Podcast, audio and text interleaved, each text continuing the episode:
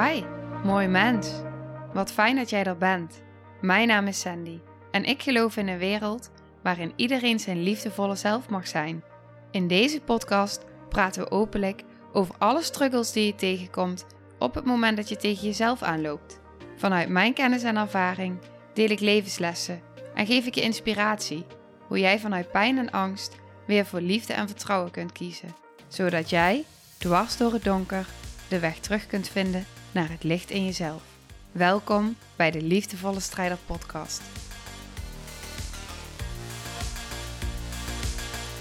Hallo, dag lieve jij. Wat fijn dat jij er bent. Ik vind het zo fijn. Ik kreeg van de week kreeg ik eh, te horen tijdens de opstelling. Uh, daarna kreeg ik een berichtje van een van de deelnemers. En ze zei tegen mij dat hoe ze me kent op de podcast en uh, social media, dat dat zo kloppend is met hoe ze me zag. en uh, dat deed wel iets met mij, omdat ik daarin ook voelde van, oh, het is zo fijn ook om terug te horen, want ik ben zo mezelf. En ik wil zoveel mogelijk mezelf zijn. Maar op het moment, en misschien herken je dat wel, het is gewoon op het moment dat je ineens voor een camera zit of voor een microfoon. Dat heb ik natuurlijk heel erg in het begin vooral ervaren.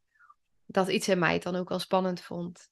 En dat ik de hele tijd ook alleen maar dacht van ja, je hoeft alleen maar jezelf te zijn. Je hoeft alleen maar jezelf te zijn. Je hoeft gewoon alleen maar jezelf te zijn. Hoe moeilijk kan het nou zijn?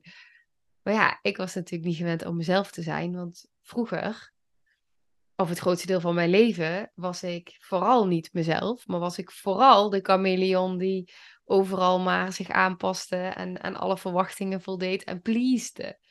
Dus als je dan jezelf helemaal gaat zijn, trouw gaat zijn aan jezelf en bij jezelf blijft en nou, jezelf gaat laten zien of je nu kwetsbaar bent of blij of verdrietig of dissocieert of dat.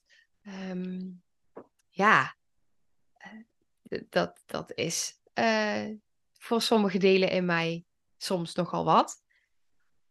En ook nu ik weet dat ik dus op video ben op YouTube, is er ook iets in mij wat dan zegt: ja. ja, die vindt dat spannender dan alleen op Spotify op de podcast. En dan is het gewoon fijn voor mij en mijn delen om dan zo terug te horen van uh, je bent gewoon precies zoals ik je ken. Ja, yes, je bent in het echt net zo echt als nu. Ja, dus dat deed veel met mij. Dat wou ik even met je delen. En ik wil je ook bedanken, want alle berichtjes die ik krijg. Ik had laatst ook in een podcast gedeeld van, uh, nou, ik deel mijn proces en mijn reis. Uh, want ik hoor vaak van mensen dat ze daar iets aan hebben. En daarna kreeg ik ook weer een berichtje. Oh, het was zo fijn dat je je reis deelde. Want, nou, dat is echt, ja, super fijn. Super fijn. Dus dank je wel. Dank je wel voor je zijn. Dank je wel voor je berichtjes.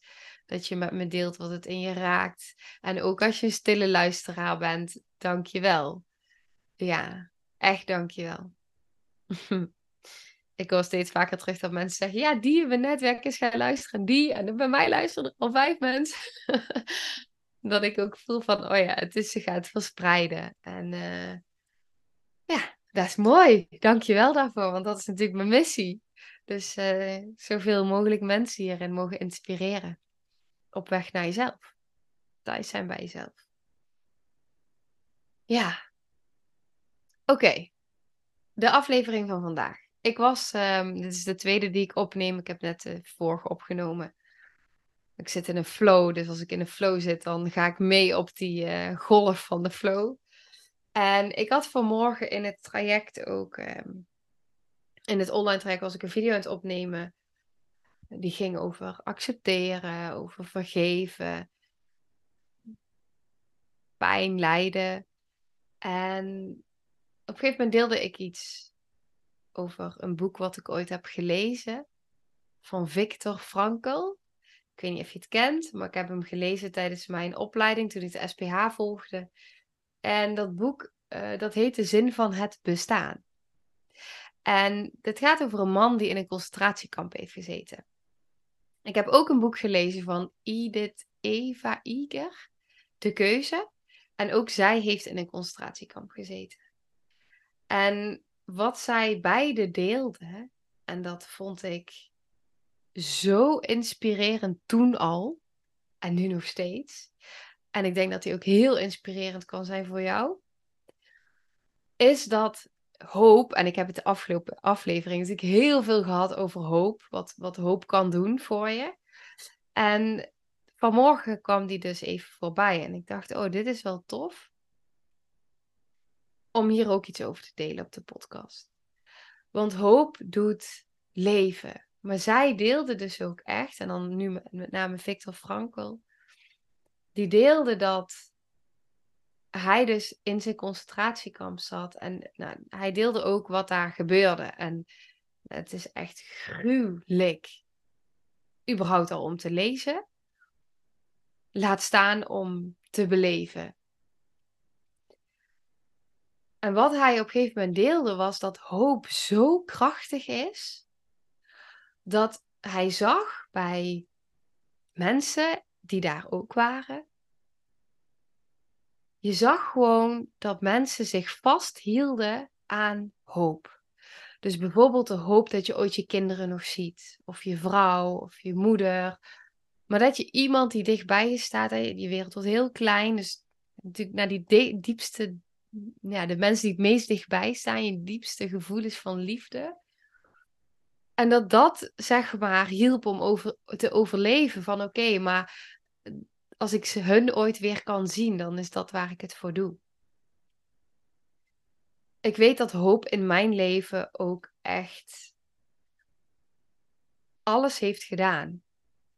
Ik dacht altijd, ik ga daar verder op dit stukje, maar ik voel dat ik dit even wil delen.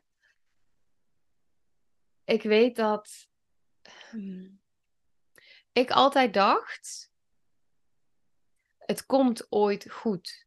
Er komt een moment en dan komt het goed. En het enige wat ik hoef te doen is door te gaan en vol te houden. En dat is wat ik deed. En dat heeft mij heel ver gebracht. En ook heel ver weg van mezelf. Heel ver verwijderd van mezelf. Maar het heeft me wel in, in leven gehouden. Dus ik bleef ademen. Ik kon leven. Maar het verwijderde me wel van mezelf. Wat Victor Frankl dus deelt, is dat hij dus bij mensen ook het in de ogen zag gebeuren. Dat het moment dat de hoop vervloog, hij eigenlijk bij mensen al zag dat het leven uit het lijf verdween. En dat die mensen binnen enkele uren tot enkele dagen ook echt overleden. Dus dat hoop zo krachtig is. Je hebt ook het gezegde hoop doet leven. Maar dat hoop dus zo krachtig is. Dat het ons door de meest gruwelijke omstandigheden heen kan werken. Dat we de meest gruwelijke omstandigheden kunnen overleven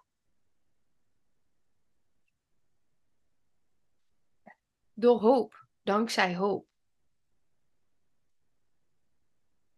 En ik heb nooit in een concentratiekamp gezeten, dus nou, dat waren echt gruwelijkheden die ik, nou, waarbij ik echt denk, nou, dat is echt by far niet zo. Maar ik weet wel dat, dat hoop hetgene was wat mij in leven hield. En dat als ik en, en, en ook echt wel, nou ja, ook weer een geliefde. Iemand waarvan ik zoveel hield, die zo dichtbij me stond. Waarbij ik echt voelde, ik kan jou niet, ik, ik kan jou niet achterlaten. Het gaat gewoon niet. Ik kan jou niet achterlaten. Ehm, dat was mijn broertje. En dat raakt me meteen gewoon. ja. Dus um, ja, dat raakt meteen. En ik zag het uh, afgelopen weekend ook in de opstelling bij broer en zus. um, best een vergelijkbare situatie die er uh, voorbij kwam. Voor mij. En sommige dingen waren te vergelijken in ieder geval. En ik zag het bij hun ook. Ik zag bij hun ook. Ja, ik zag iets bij hun wat ik herkende in mezelf. Ik zag meerdere dingen. En dat is zo krachtig. En tegelijk ook zo pijnlijk. ja, als je in een situatie zit waarin je geen controle hebt, geen invloed hebt en ook ziet dat iemand waarvan je houdt in pijn is en je niks kan doen. Dus zonder daar nu heel diep op in te gaan, ehm, is dus hoop echt absoluut iets wat je in leven kan houden. En Edith Eva Eagle schrijft dus ook in haar boek De Keuze. En dat vond ik ook zo krachtig. Dat is, zij heeft ook in die kampen gezeten. En zij is uiteindelijk dus met mensen die hebben overleefd, is zij in gesprek gegaan. Heeft zij die mensen geïnterviewd. En zij ging met die mensen in gesprek. En zij vroeg dus aan die mensen van, um, nou, hoe is je leven nu? En ze keek dus ook mee naar hoe het leven van die mensen eruit zag. En wat ze dus zag, was dus dat sommige mensen die dus naar de primaire pijn zijn gegaan, dus echt naar de diepe pijn die tijdens de omstandigheid, tijdens dat wat je overkomt, is geactiveerd. Die pijn, dus hebben doorvoeld aangekeken. Daarbij zag ze dat die mensen een leven hebben kunnen opbouwen. Een mooi leven nog. Um, alsof je, alsof je die, die donkere bodem, die pijn, alsof je die gebruikt als springplank naar de toekomst. Alsof je daar iets uithaalt, een, een vruchtbare bodem om je te kunnen ontplooien en, en daar iets moois van te maken. Maar wat ze ook zag was dat de mensen die nog in de overleefstand zaten, die nog vol in de vermijding zaten, die nog, nog helemaal niet naar die primaire pijn zijn gegaan, maar echt nog de hele tijd in het lijden zaten, in die cirkel van, van lijden eigenlijk. Dat die mensen dus ook vastzaten, nog steeds. En dat daar dus zo, nou ja, zij heeft dus daar een heel boek de keuze over geschreven, dat je dus daar een keuze in hebt. En ja, het is een heel mooi boek om te lezen. En ehm, ik weet dat ik die keuze zelf op een gegeven moment ook energetisch echt heb gemaakt. Maar ik moest daar wel zijn. Dus het is wel, dus het is, je, moet, je komt daar zelf. Er komt een punt waarop je gewoon voelt. En ik zei laatst ook ergens, ik weet niet of dat hier in de podcast was of in het online traject. het loopt allemaal door elkaar heen nu. Maar dat ik ook zei daar van, uh, soms moet je stoppen met helpen. Soms moet je stoppen met helpen, omdat juist iemand waar je van houdt, die rock bottom moet uh, aantikken eigenlijk. En daar moet komen zelf om te voelen, maar nu wil ik veranderen, nu wil ik shiften, om zelf die keuze te kunnen maken. En vervolgens, omdat die keuze dan zo energetisch vanuit binnen gemaakt wordt, uh, kun je, komen er dingen naar je toe waardoor je je leven weer kan gaan opbouwen, maar waardoor je eerst naar die kern toe gaat. Alleen daar ga je zelf komen. Het leven nodigt je daartoe uit. Dat kan door een paar auto-ongelukken. Dat kan door een keer van een trap te vallen. Het kan op allerlei manieren. Maar het leven nodigt je daartoe uit. Of je lichaam zegt op een gegeven moment gewoon nee. Die zegt gewoon stop. Um, krijgt een burn-out. Dat is hoe het werkt. Dat is mijn waarheid. Dat is wat ik geloof. Maar dan heb je dus een keuze. Dan heb je dus een keuze. En dat is dus ook wat Edith beschrijft. En nou, ik kan zo echt, ik denk wel, ik weet niet hoeveel verhalen opnoemen die ik heb gelezen, waar ik van heb gehoord, die ik heb gezien, die ik heb ervaren. Eh, waarbij je dus tot zo'n keuze komt. En waarbij je gewoon ziet dat, dat sommige mensen gewoon, die, die gaan uh, degene achterna waarin ze zijn opgevoed bijvoorbeeld. Want eh, dat is wat ze kennen. En anderen gaan exact de andere kant op, omdat ze juist alles niet willen hoe ze zijn opgevoed. En extreem de andere kant op bewegen. Om het totaal anders te doen. Weet je, daar, daar zitten zoveel. Uh, en er is geen goed of fout. Want ik geloof dat wij met ons ziel daarin een pad hebben, een weg hebben. En dat wij precies, het is heel cliché, maar dat we precies daar zijn waar we horen te zijn. Ja. Maar dat die hoop, dat is één ding. Dat die hoop, waar ik het dus de laatste afleveringen zo vaak over heb, dat die er zo krachtig is, dat die eigenlijk alles mogelijk maakt. Hij maakt heling mogelijk.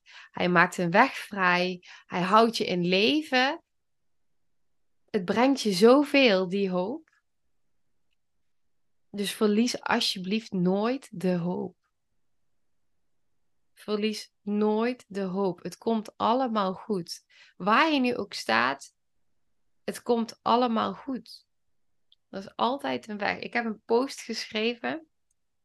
Die moet ik nog even gaan delen. Maar waar ik ook in, ik moest even de zin terughalen, maar waar ik ook in zeg, don't give up on you. Geef jezelf niet op. Geef jezelf niet op. Het komt allemaal goed. En hou die hoop vast. En waar je nu ook staat, ik wil ook tegen je zeggen, merk ik, hou vol. Hou vol en hou de hoop. Hou de moed erin en haal de moed met de T eruit. Even kijken, zeg ik dat goed? haal het moeten eruit, maar hou de moed erin. Dat is wat ik kan zeggen. Ja. Ja. Dat is wat ik met je wil delen voor nu. Ik wil hem ook niet langer maken dan nodig. Ik merkte dat ik dit belangrijk vond om te delen. Ehm, de boeken zijn een aanrader. Ik krijg wel vaker vragen van nou, welke boeken zou je me aanraden? Nou, als je je hierin herkent, als je herkent in ehm, nou, dit stukje betreft uh, hoop en uh, een keuze hebben en dat er zoveel meer mogelijk is voor jou dan je wel echt denkt. En dat je altijd wel een keuze hebt, ook al voelt het niet zo. En hoe belangrijk die hoop is. Ik weet dat omdat ook het boek De Zin van het Bestaan. Ik heb me heel erg verdiept in zingeving en wat de zin van het bestaan is, wat de zin van mijn bestaan was. En ja, dat heeft mij toen in die tijd echt heel veel gebracht. Heel veel om het op die manier. Het is wel het boek van Edith. De keuze is echt een, een verhaallijn. Het is iets makkelijker lezen. Uh, de zin van het bestaan is lang geleden dat ik hem heb gelezen, maar uh, er zit deels verhaal in. Uh, er zit deels ook omdat het een psycholoog, psychotherapeut, nou iets in die richting, um, zit er ook echt wel um, een stuk nou ja, uitleg, theorie, verdieping in. Wat natuurlijk ook heel interessant. Ik vond dat heel interessant. Dus is maar net waar je voorkeur naar uitgaat. Maar nou ja, goed. Hoop doet leven. Geef jezelf niet op. Waar je ook staat, er is een weg. Oké. Ik denk dat ik nu ook even voldoende afleveringen heb gedeeld over hoop. Maar um, blijkbaar uh, is het nodig, denk ik. Ja, anders zou er niet zoveel energie naartoe gaan vanuit mij. Dat is waar ik dan op vertrouw te veel eruit, te veel stromen. Dus uh, ja, ik hoop dat je eruit haalt wat voor jou resoneert. Hm. Nou, veel liefs en uh, ik zie je bij de volgende aflevering. Doei doei. Hm. Nou, lieve mensen, ontzettend bedankt voor het luisteren. Ik ben heel benieuwd wat je van de aflevering vond en welk inzicht je eruit hebt gehaald. Mocht je nog vragen hebben of is er een onderwerp waar je meer over wilt weten, laat het me dan weten. En wie weet neem ik het mee in een van de volgende afleveringen. Als je het leuk vindt, kun je de aflevering delen. Of maak een screenshot en tag me op Instagram. Want ik vind het echt super tof om te zien wie er luistert. De link van mijn Instagram staat in de beschrijving bij de podcast. En wil je blijvend geïnspireerd worden? Klik dan op abonneer of volgen in de podcast-app waarmee je luistert. Dat zouden ik en alle toekomstige luisteraars enorm waarderen. Want dat zorgt er namelijk voor dat de podcast beter gevonden wordt. Nogmaals, dankjewel voor het luisteren en heel graag tot de volgende aflevering.